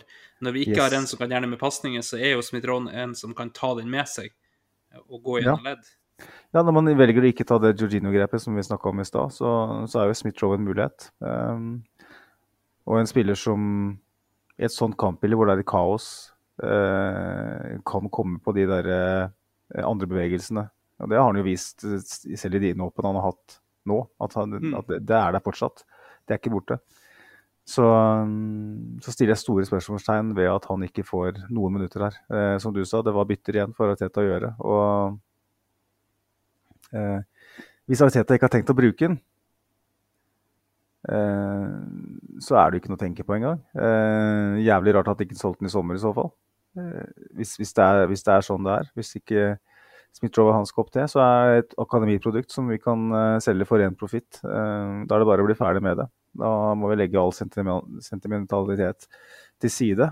All kjærlighet må legges i en, en blomstra kiste og settes på loftet. På avdelingen for nostalgi. Og så er det bare å, å få de 25-30 millioner pund som man, vi kanskje kan få for han. Og så får vi investere det i en spiller som Arteta ønsker å bruke. For det her det er helt meningsløst. Ja, altså, vi kan ha så mange Elnenia vi vil på benken, men hvis du ikke har tenkt å sette innpå, så ser er det ikke vits å ha de der. Uh, vi vet jo at både Cedric, Elneni og Smith-Roe og visstnok både Reece Nelson og Nketia òg skal være eh, tilgjengelig i januar. Selger du alle de, så har du ikke benken din igjen. Eh, for det er faktisk benken vår de siste to kampene. Så, så det er litt sånn spesielt eh, når Georginio da i tillegg linkes til, til Italia. Um, så vet vi jo at det ikke er sånn det fungerer. Du selger ikke alle. Eh, Jeg vet jo ikke om vi kan selge Cedric engang nå. når Nei, vi kan ikke det. Nei, når vi er så tynt forsvent baki. Og hvis det er én eller to millioner pund du kan få for han, da er, det slår å sette innpå Real Walters i, imot uh, Newcastle, f.eks. Uh, altså, det, hvis det er det som er alternativet ditt, så er det bedre. Uh, fokuser heller på Reece Nelson, Nketia eller Emil Smith Roe hvis det skal selges, og det skal på en måte finansiere et kjøp. Uh, for de tre Jeg sier jo ikke at du får noe særlig for uh, Reece Nelson, han, han er vel sånn 10-15 millioner pund. Uh, men, men det er nå det det er. Emil Smith Roe vet vi vi har takka nei til 35, var det det Aston Villa bøy fra han? Ja, etter sigende, ja. Ja, etter sigende, ja. Uh, Nketia er visstnok på, på mulig liste for bl.a. Uh, Westham og Crystal Palace. da. Uh, vi får jo se. Vi vet jo at det blir dyrere å selge til en Premier League-klubb, så kanskje vi dreier det opp litt der, da. Men, uh, men det er jo litt det der med at hvis det er så tydelig at du ikke har bruk for han, eller hvis du ikke tror at du har bruk for han, Uh, og, og vi kan jo bare sitte og si så mye vi vil. Jeg er jo en kjempefan av Smith Rowe, Um, og, og kommer til å forsvare han i det lengste. Jeg forsvarte Øtzil til det sekundet han var ute døra, eh, og, og litt for lenge etter det òg, egentlig. Eh, så, så jeg kommer til å forsvare mine favoritter. Det, det er det vi gjør som fotballfans. Eh, det er vår rett og plikt.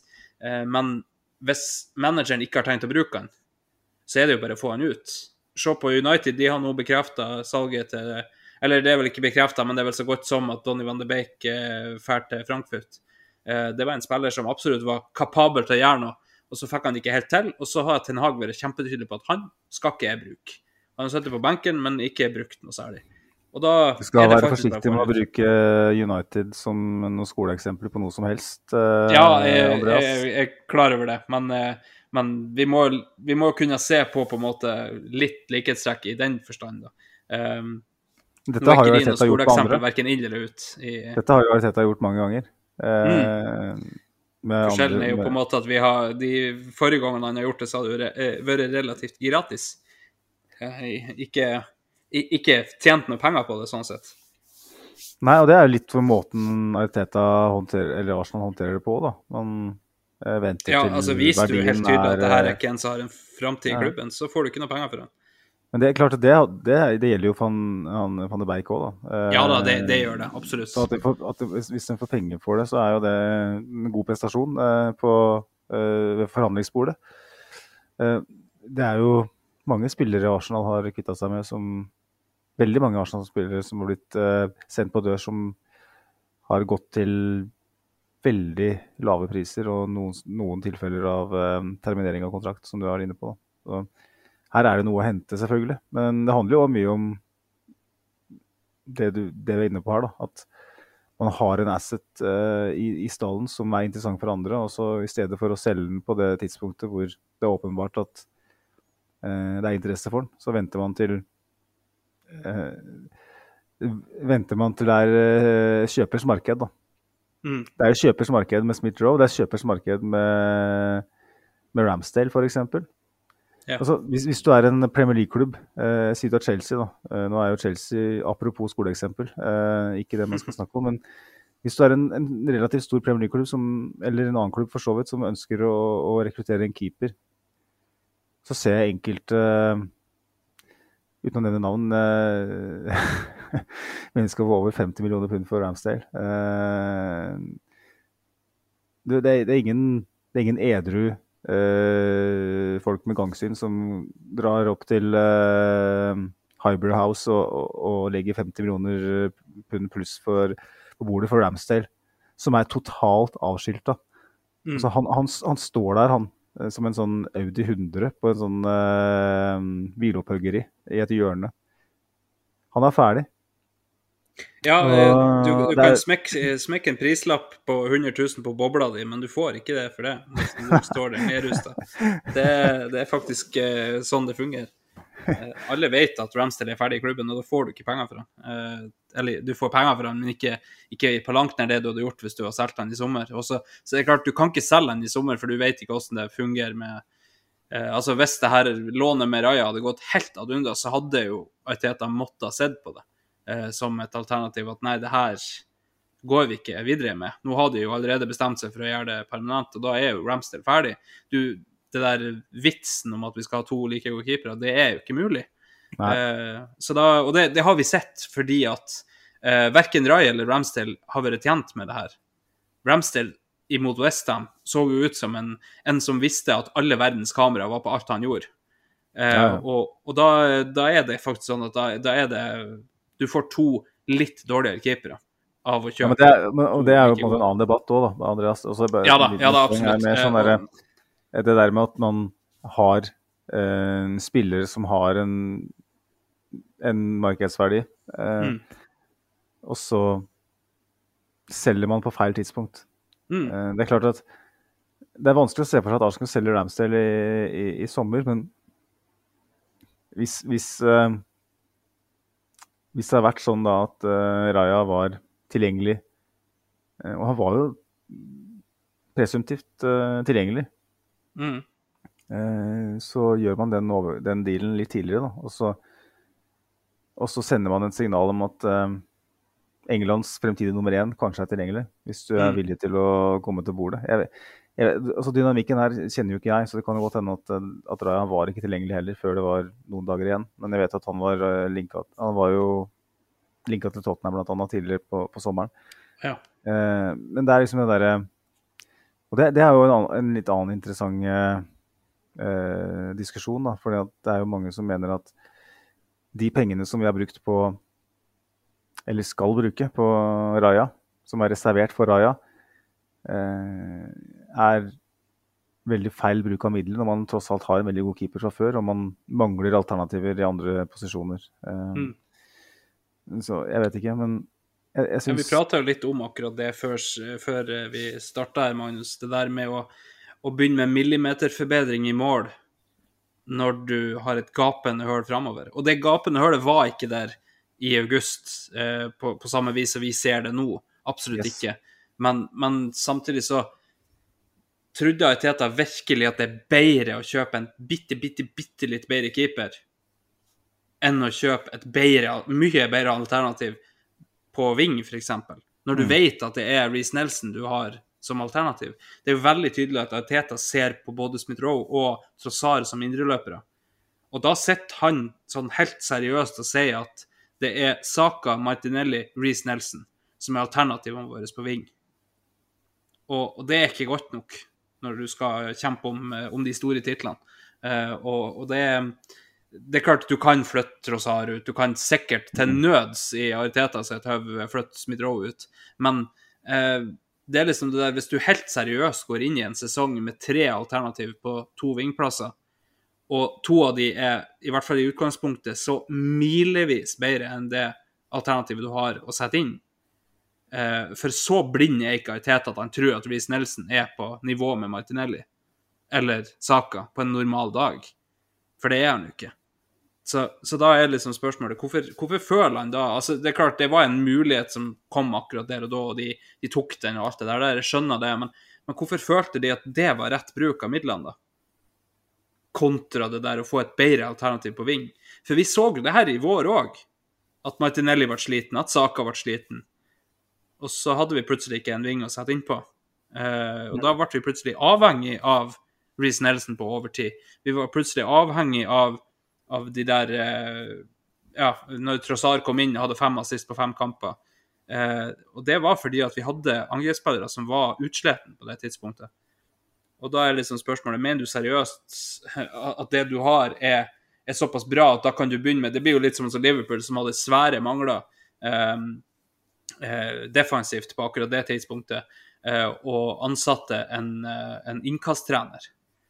Det er liksom Mener du seriøst at det er der du skal ta de marginene som skal få deg helt opp?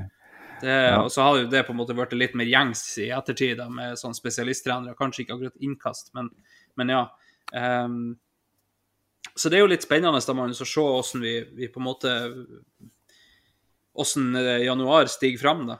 Ehm, vi, Mm. vi håper jo på, på rekruttering, og så ryktes det jo både det ene og det andre, men, eh, men jeg vet ikke, skal vi hoppe over på den praten og hva vi trenger og hva vi ønsker oss? Vi Ja, hadde altså, jo det er litt jo- av det sist, men eh, Ja, altså det, det blir jo bare mer og mer aktuell, og nå, nå har jo vinduet åpna. Vi burde egentlig hatt en sånn fanfare, men uh... vi har jo noen lyder her, men jeg vet jo ikke hvordan de, de utspiller seg, de her dramatic piano, drums, intro, tror- outro. Nei, ikke sant. Så vi kan kanskje eh, gi lytterne en, opp, en eh, oppfordring om å lage en trommevirvel i sitt eget hode. Men eh, det er jo nettopp det du, du snakker om, det der med at man har profilmessig kan tre spillere som passer profilen, eh, som Teta ønsker seg. Um, og rotasjon har jo vært et et tema eh, ganske lenge under Arteta. Han er veldig han har veldig tillit til en kjernegruppe av, av spillere. Og åpenbart Saka Martinelli er to av de aller, aller første navnene på den, den blokka. Eh, og man kan jo spørre seg om det er litt sånn mental slitasje også. Det presset de har på seg hele veien. De vet at det er, det er vi to og, som, skal, som skal dra det lasset her. Eh, presset er på de 1-22-åringene. Og så er det heller ingen tvil om at Teta har prøvd, at Arteta har prøvd å hente eh, spillere i denne Mm. rollen. Og det som er interessant, er at det er såkalte signalsigneringer, som jeg kaller det. Da. Altså store, store signeringer. Eh, Rafinha og, og Mudrik, da, eksempel. Eh, jeg snakka om at Pedro Neto har vært eh, interessant, men utafor rekkevidde økonomisk. Det er liksom, Trossard var jo på en måte et kompromiss. ikke sant? En spiller som var tilgjengelig, som, som kan gjøre flere jobber. Og jeg syns det har vært en veldig god signering, men eh, ikke den profilen som Mateta ønska seg i den rollen. Eh, så spørsmålet er om han er villig til å gjøre et kompromiss nå i januar og hente en spiller som Litt sånn som Caicedo altså Caicedo var kjempedyr eh, potensielt i januar, men Caicedo var et slags kompromiss. Eh, Declan Rice var jo hele tida den som var mest ønska, men fordi at Arsenal befant seg i en så utrolig god posisjon, så, så var klubben villig til å Jeg tror at klubben var nesten villig til å dytte Declan Rice bort for å gå for Caicedo, bare for at vi kan vinne Premier League. Der er eh, Når man har en sånn mulighet etter 20 år eh, i, i ørkenen med med tørre, tørre buser i, som man kan grave etter, så, så, så ja. Så kan man spørre seg om det var, om det var Hvis vi hadde henta Casedo, så er det ikke sikkert vi hadde fått Rice, da, for å si det sånn. Uh, og da er spørsmålet om Jeg, jeg tror ikke liksom, plan A er mulig i januar, da, uansett om du snakker om spiss eller kantspiller. Plan B er kanskje mulig hvis du får solgt et akademiprodukt eller to. Sånn at du får eh, din, den friske kapitalen du trenger for å kvalifisere innafor FFB-reglene. Så eh, Navn snakka vi litt om forrige gang, men eh, jeg er veldig spent på om, om Arsenal på en måte igjen på en måte anser posisjonen sin for så eh, potensielt god at man eh, er villig til å bare blåse eh, hele budsjettet sitt på en spiller som er hva skal jeg si, ja, eh, andre tredjevalg, da. Ja, eh, det er jo nettopp det, da. Og, eh, og kanskje føler de da at det, det kan de jo ta på en måte litt andre veien, i og med at, at forventningene rundt klubben har endra seg. Så er det jo kanskje sånn at de føler at situasjonen er sånn at de må for å ta igjen, på en måte. Eh, det, det blir veldig spennende å se. Er det sånn at du føler at du er avkobla, så handler det om topp fire. Og, og får vi ikke topp fire i år, da, da skal vi ikke være nådige med, med mannen som sitter i sjefsstolen til, til mai, i hvert fall i, i mine øyne. Men, men foreløpig så er vi jo ikke avkobla på noe slags vis. Det er, det er såpass kort opp. Eh, Liverpool akkurat i øyeblikket har uavgjort mot Newcastle hjemme. Um, eh, 1-1. Um, Og, og det er liksom alle kan slå alle. Det er blitt en klisjé, men det er faktisk litt sånn det er i år. For i år så ser vi at det er ikke ett lag som egentlig har utmerka seg så sinnssykt framover. Liverpool starta shaky, og så har de kommet litt mer, eh, litt kjappere enn det City har gjort, som nå begynner å komme litt mer. Eh, så, så det er liksom det der med at i år tror jeg ikke det blir, eh, blir sånn 95-96 poengersesong for å vinne Premier League. Det kan godt hende at det er ned mot ja, 90 eh, og kanskje under 90. Det vet vi jo ikke. Eh, så jo at Orbinio skrev at hvis klubbene tar tilsvarende poeng som de gjorde i de tilsvarende kampene i fjor, på det som er igjen, så vinner Arsenal Premier League med 88 poeng. Eh, så, så det er liksom sånn Ståa kontra i fjor er jo ganske, ganske annerledes, da. I fjor så, så leda vi ligaen og tenkte at hvis vi går skikkelig for det nå, så er mulighetene våre kjempestore. Eh, og i år er vi på en måte litt mer i, kommer i en utfordrerrolle nå, da, i og med at vi har et lite Liverpool har lite forsprang. Det det, er ikke mye. Nå er det vel tre poeng, da, når, når de har uavgjort her. Så, så det er ikke sånn at vi, vi er kobla av. Men føler du at du pusher den ekstra lille La oss si at det er en, en, et tredjevalg, da, men en du føler virkelig kan være et alternativ, er det verdt det for å, for å kjempe opp i toppen, og kanskje kjempe i Champions League i tillegg? Mest sannsynlig er det jo det. I hvert fall for oss fans er det jo det. Og så må jo klubben se på åssen det, det, det, blir for deres del.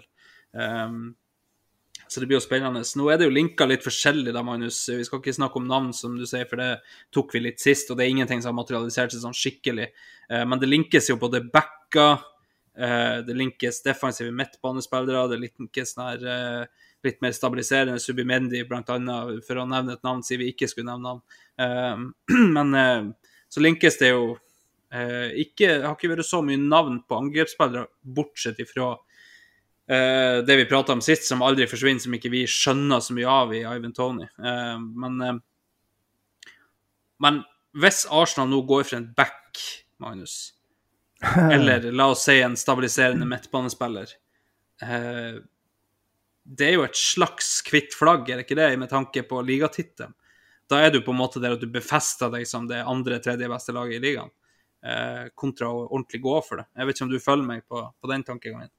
Jeg sa vel i forrige episode at jeg mener det er en fallitterklæring. Mm, ja, stemmer det. Det gjorde. Å hente en, en forsvarsspiller, en back eller en midtbanespiller for den saks skyld. Eh, skal vi vinne ligaen, så, så, må vi satse. Og enda mer tydelig etter den uh, fulle matchen, selvfølgelig. Uten at vi skal skal jeg si, trekke betydningen av den høyere opp enn den allerede er. Um, så... Nei, vi, vi, må jo nesten se nå Liverpool-kampen til helga i cupen, også ikke minst Crystal Palace da, etter hvilen. Eh, det er jo mm. da vi får svaret på om det her er en trend, eller om det er et arbeidsuhell. Ja. Eh, per nå så er det bare et arbeidsuhell. Eh, trenden offensivt er jo det vi måte snakker om. Eh, mm. Og vi har snakka mye om denne episoden her, så eh, da blir det spennende å se hva klubben gjør. Da. Vi har jo noen flere innspill. Eh, Bl.a. fra Erik Gåsvær på, på, Facebook. Han skriver må vi kvitte oss med noen, eventuelt hvem. Eh, nye spillere.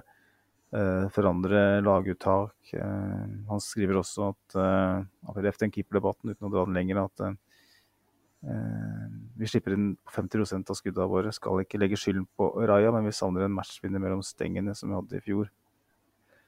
Um, er løsningen på keeperproblemet da å kvitte seg med en av dem? Uh, altså, ja, vi har svart på det før. Altså, trolig ja, kanskje. er det et problem at vi har to keepere som begge føler at de bør være førstevalg? Mest sannsynlig ja. Uh, men det, apropos det med, hvem bør vi selge, Andreas? Altså, vi har snakka litt om at vi har noen spillere, også at Smith-Roll bør selges. men det er mer basert på verdien hans, da. Men sånn med tanke på mm.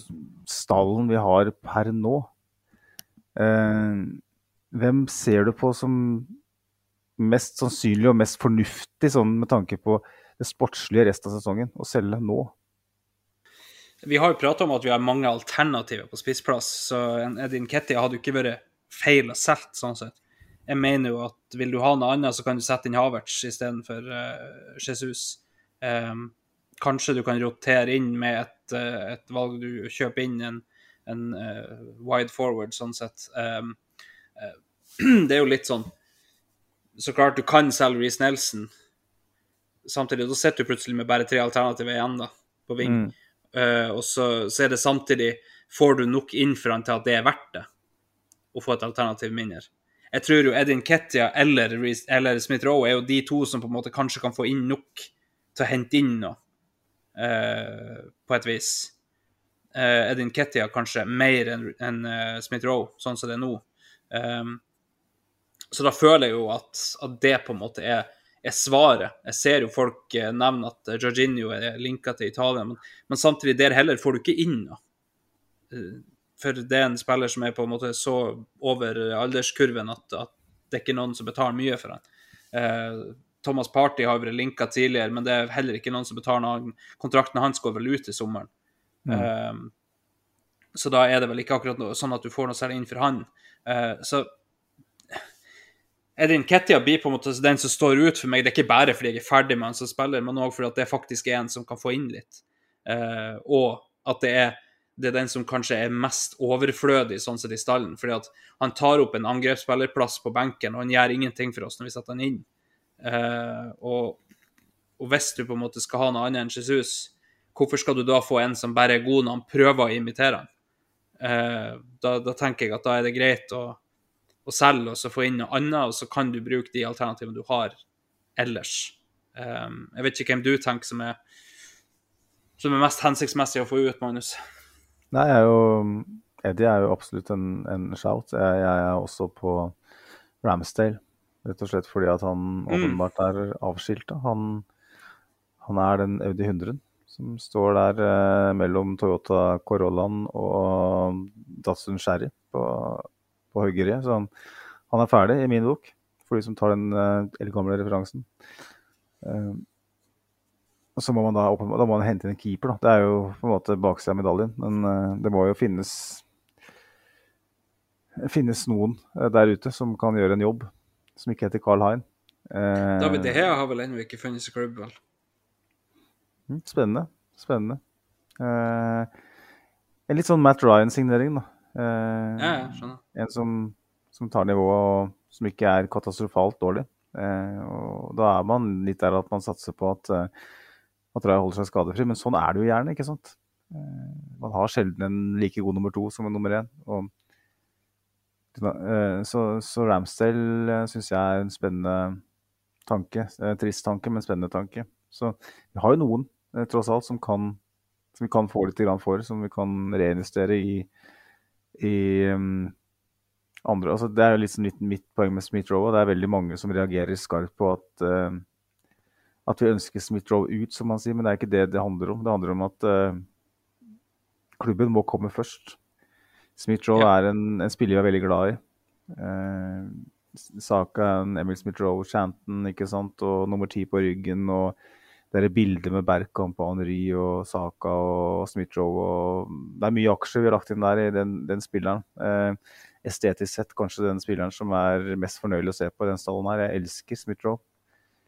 Men hvis et salg av han som Eller eh, for å si det på en annen måte, hvis et salg av en spiller vi er glad i, men som ikke per nå gir oss noe annet annet enn nostalgi og eh, følelsen av eh, hjemmekoselig, eh, kan gi oss da en spiller som vi sårt, sårt trenger i en rolle som vi, det er tynt besatt, så er det ganske lett avgjørelse å ta. Den, den, den sitter eh, Arteta med. Det, eh, altså det, den brevkniven som skal sprettes eh, der, den sitter han med. Og hvis det er slik at han ikke har ønsket eller troa på, på Smith-Roe, så selvfølgelig skal du ta det valget. Vi kan ikke være eh, Her hadde, her hadde Sivert eh, Skarstein Eriksen, som står med snø til knærne, vært veldig tydelig, eh, vet jeg. Eh, selv, selv, selv, og kjøp, kjøp, kjøp. Vi, vi må tenke på den umiddelbare fremtida til klubben her og nå. Fordi at Rice, Saliba, Saka, de er ikke fornøyd og unge til evig tid. Vi er i et tidsvindu nå som er ganske unikt, uh, ref de siste 20 årene. Vi er nødt til å ta de markedsmulighetene som, som dukker opp. Og da har vi ikke tid til å være sentimentale. Altså.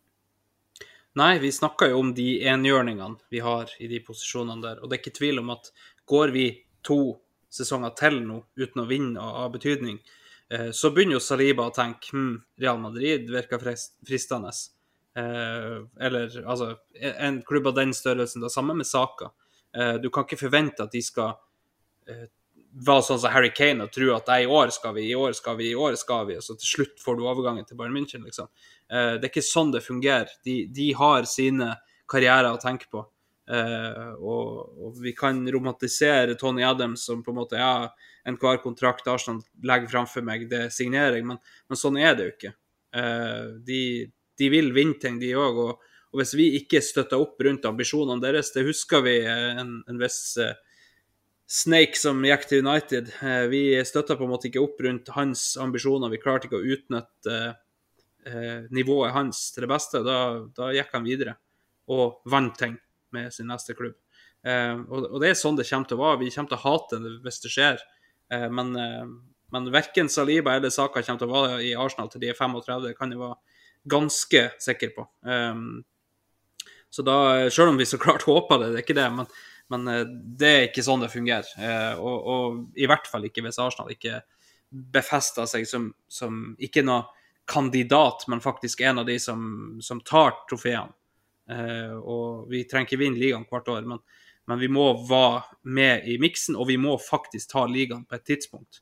Det kan ikke være sånn at vi er en utfordrer hvert år og havner på andre- eller tredjeplass. Um, så da er det sånn som du sier, Magnus, de vi er glad i, de må av og til selges. Folk ble forbanna når uh, Emi Martinez gikk. Uh, enkelte var sur når Iwobi gikk. Se hvor han er nå. Han er i Fulham. Gjør det veldig bra i Fulham, ikke det, men, men han, har, han, har, på en måte ikke gått videre til større viktigere ting. Uh, Joe Willoch det samme. Vi, vi, må av og til skilles med de vi er glad i, for å, for å få det til å gå framover i livet. Og um, kanskje Emil Smith-Roe en som, som, vi må bare takke av etter hvert. Um, Ramsdale tenkte jeg ikke på når jeg, når jeg snakka om Nketia. Så klart er jo det et, et veldig hett alternativ, og spesielt hvis det er en, en uh, Altså, vi har jo sett Ben Forster, f.eks., som har gått både hit og dit uh, uh, backup-keeper. Hvis det er en sånn type der ute som har vært med på mye og, og kan ta den andre rollen, så, så er det absolutt mulig å bare selge. Um, Eh, Aaron Ramsdale. Det ja. burde være mulig å få en del for han. Um, da vet jeg ikke, Magnus. Vi har runda en og en halv time. Um, og, og, klokka nærmer seg elleve. Uh, vet ikke om vi har så mye mer vi må innom før vi, vi takker av for i kveld. Det er kanskje greit å gi seg på en måte. altså... Jeg har en tendens til å, å, å si i hver episode at nå har vi passert en og en halv time, så nå må vi gi oss. Og så fortsetter vi til 1.45. Men Eh, og så er det reklamepausen gjør at eh, når, når jeg ser episoden blir slitt på Spotify, så ser jeg at oi, jeg trodde vi hadde bare holdt på 1.37, og så står det 1.43.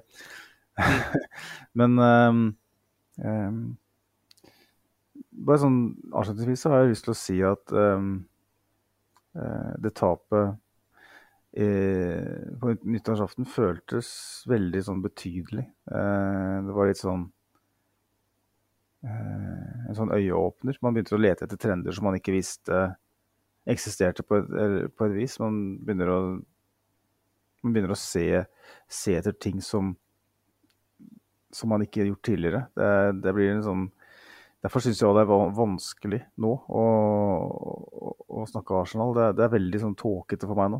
For vi har vært så solide og vi har sett så bra ut. Og så i løpet av ei uke så stiller man spørsmålstegn med alt det man tidligere har eh, hylla. Um, så jeg håper, jeg håper at, uh, at, de som har hørt på, sitter litt med samme feelingen. At, uh, at det å få en god natts søvn og det å prøve å se det store bildet, gjør at man i hvert fall ikke gir helt uh, opp og ikke blir helt sånn At det ikke blir bare dommedag. Prøv å tenke tilbake på hva vi følte etter Anfield prøve å tenke litt tilbake på hva vi følte etter Westham òg. Da satt vi og sa at den kampen her, den, den går det egentlig ikke an å tape, sånn som vi spiller. Eh, og løfter spillet vårt tilbake, så handler det bare om små justeringer. Eh, jeg håper at vi kan ha det perspektivet, i stedet for å tenke at angreps, eh, eller den offensive lagdelen vår er broken. For det, det, er mulig å ta det perspektivet, og det er det som er litt spennende nå. Eh, sånn i debatten. For det er veldig lett å ta begge sider her. Det er veldig lett å, å, å ta den der ja, men vi spiller mest fotballen i Premier League, vi er mest solid. Men samtidig ta den der, ja, men se på de offensive spillerne våre. Se på Martinelli som ikke produserer, se på Saka som ikke produserer, se på Jesus som ikke funker, se på Ødegaard som ikke skårer like mye som i fjor. Eh, her har vi et problem. Altså, det, det, jeg føler at med mindre du er Clive Palmer eller eh, kjempelærd, så er det kanskje det vanskeligste øyeblikket her og nå å, å si noe kvalifisert om hva Arsenal anno 23-24 er. Ja, det er jo det. Vi, eh, vi, har sett på en måte både at vi taper ufortjent, og at uh, vi taper fortjent nå på to kamper. Uh, og, og, da er det på en måte litt sånn vanskelig å vite om det er uh, For først så er vi på en måte ineffektive, og så skaper vi ingenting. Så det kan rett og slett bare være en utladning ut av Westham-kampen som gjør at de får en dårlig prestasjon neste, det vet vi ikke nå. Det skrev også Stein Erik Eimstad på, på Facebook, eh, uten at jeg husker ordrett hva han skrev. Så til oss så var det liksom at det var et Mm. såpass solid skudd for baugen at spillerne ble rett og slett litt usikre. Så det, det er spennende, spennende shout. Ja. Um, så må vi òg nevne uh, igjen denne episoden at uh, 30. januar så har vi et uh, liveshow. Mest sannsynlig vi skal ha et møte i morgen, vel. uh, der detaljer blir spikra litt sånn forskjellig. Eh, men eh, vi må jo bare minne dere på at eh, hvis dere er i nærheten av Oslo 30. januar, så holder eh, datoen. Så kom og og eh, først hør på oss, og så se kampen med oss. For eh, det blir jo eh, visning av forrige etter vi har hatt sending. Eh, og det gleder vi oss veldig, veldig, veldig til. Så eh, håper vi ser eh, dere der. Eh, da vet jeg ikke, Magnus, har vi noe mer å legge til, eller skal vi bare ta kveld? Ta kvelden. Jeg bare For de av oss som har fulgt med på din oppdatering av Liverpool-kampen, så ser det ganske dårlig ut for oss, jeg ser det. Um, Mm. VG Live uh, gir meg 4-2 her, ser jeg. Så Salah har faktisk skåra på ei straffe. Og Ja, han er- bomma jo på ei først, så, så han skåra to etter det. Så én straff og ett vanlig. Så eh, det var, det var kjipt. Um, Men, eh, men har du lagt merke til hvordan VG Live skriver eh, Sven Bot, eh, Botman her i, i skåringsprotokollen? han Botman. Botman-Sven tenkte på. Bot, Er ikke- hva, heter det? Er det ikke sånn Sven når du har eh, fått tatt et fragbrev? Hvis du er eh, Svennebrevet. ja, snekker-Sven eller uh, rørlegger-Sven, holdt på å si. Ja. Hva er en Botman-Sven? Eh, jeg vet ikke, for det er stort sett de gamle håndverkeryrkene som har svennebrev. Eh, jeg vet at elektriker har det, men automatiker som jeg er, da har det ikke. Eh, for det er et litt nyere yrke. Så det er de mer klassiske eh, tømrer og eh, Ja, det er faktisk ikke sikkert elektriker har det, men jeg vet tømrer, murer, eh, sånne yrker har svennebrev, da. Eh, uten at jeg vet helt sånn definisjonen på det. Dette er jo Sivert-territorium. der han står Ja, han som og både er flislegger og skyfler og står på. Men uh, Båtmann, eller Båtmann-Sven, det høres ut som noe fra deg, for så vidt. Så, men hvis ikke du kjenner igjen i den yrkestittelen, så tenker jeg at det er VG som har gjort en, eh, en berører. At det er snakk om. Sven, at det er Sven Botman og ikke en, en skøyte fra Lurøy som har det, kommet i opp Mercy, Mercy, Mercy der. Og, men det er Ja. Det var trist, eh, Andreas, at vi skulle få den, eh, den avslutningen på poden. Men ikke ikke Ja. Nei da, det, det var absolutt ikke det. Og så må jeg si det, jeg har vært inne og sjekka litt eh, etter hvert. Og førsteomgangen så eh, det, det er smått utrolig at Liverpool ikke leder. Og Darwin Nunes har visstnok bomma på både det ene og det andre åpen målsjanser i dag, så eh, det er visst ikke ufortjent, akkurat. Um, men eh, det får nå så være. Um, vi Ja, jeg vet jo ikke om jeg er tilbake eh, etter eh, Liverpool-kampen, men eh, du og Sivert er forhåpentligvis det. Um, da har jeg eh, mest sannsynlig fått eh, min lille pike. Vi får se om, om det blir såpass nært at jeg ikke blir med, eller om det er sånn at jeg trenger en pause og prate litt med dere. Eh, det, det vil teamet time, vil- show, som Blodstrupmoen sier. Men da, da tenker jeg at det får være det for i kveld. Eh, dere får kose dere med det som kommer av rykter i det hele tatt. Nå er det bare å ha på eh, push-varsel på Fabrizio Romano og David Ornstein eh, neste dagene eh, og uken. Og så er vi tilbake etter, etter FA Cup-kampen mot Liverpool. Um, ifra meg så skal vi som alltid ha et Vi hørs. Og Magnus? Nei, altså på vegne av Måkesvenn eh, Sivert, så sier vi ikke glem å mat til firebeint. Og for meg så er det godt nyttår og ha det, ha det, hei.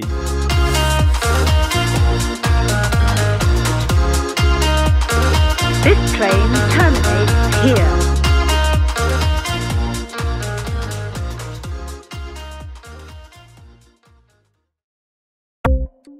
Ukens annonsør er HelloFresh. HelloFresh er verdens ledende matkasseleverandør og kan være redningen i en travel hverdag. Mange av oss har nok vandret i butikken både sultne og uten en plan for middagen, som ender med at vi går for de samme kjedelige rettene gang på gang. Middag burde være dagens høydepunkt. Som HelloFresh kan du nå velge mellom 25 ulike retter hver eneste uke, eller få HelloFresh til å sette sammen menyen for deg. Dette gir deg muligheten til å prøve nye og spennende retter alene eller sammen med familien. Du velger antall porsjoner og får alt levert på døren på et tidspunkt som passer for deg. Oppskriftene er enkle, og maten er lett å lage både for store og for små. Ved å få alt levert hjem får du også mer tid til å dele matgleden med familie og venner. Kanskje det frister med asiatiske tacos eller greskinspirert kylling? Da kan jeg anbefale deg om å gå inn på hellofresh.no. Her kan du bruke koden FOTBALL og få opptil 1779 kroner i rabatt på de første fem matkastene hvis du ikke har prøvd Hello Fresh tidligere. Du kan også bruke rabatten hvis du har vært kunde og stoppet abonnementet ditt for tolv måneder siden eller lengre. Gå inn på hellofresh.no og bruk koden FOTBALL. Har du et enkeltpersonforetak eller en liten bedrift? Da er du sikkert lei av å høre meg snakke om hvor enkelt det er med kvitteringer og bilag i fiken, så vi eh, gir oss her, vi. Fordi vi liker enkelt. Fiken superenkelt regnskap.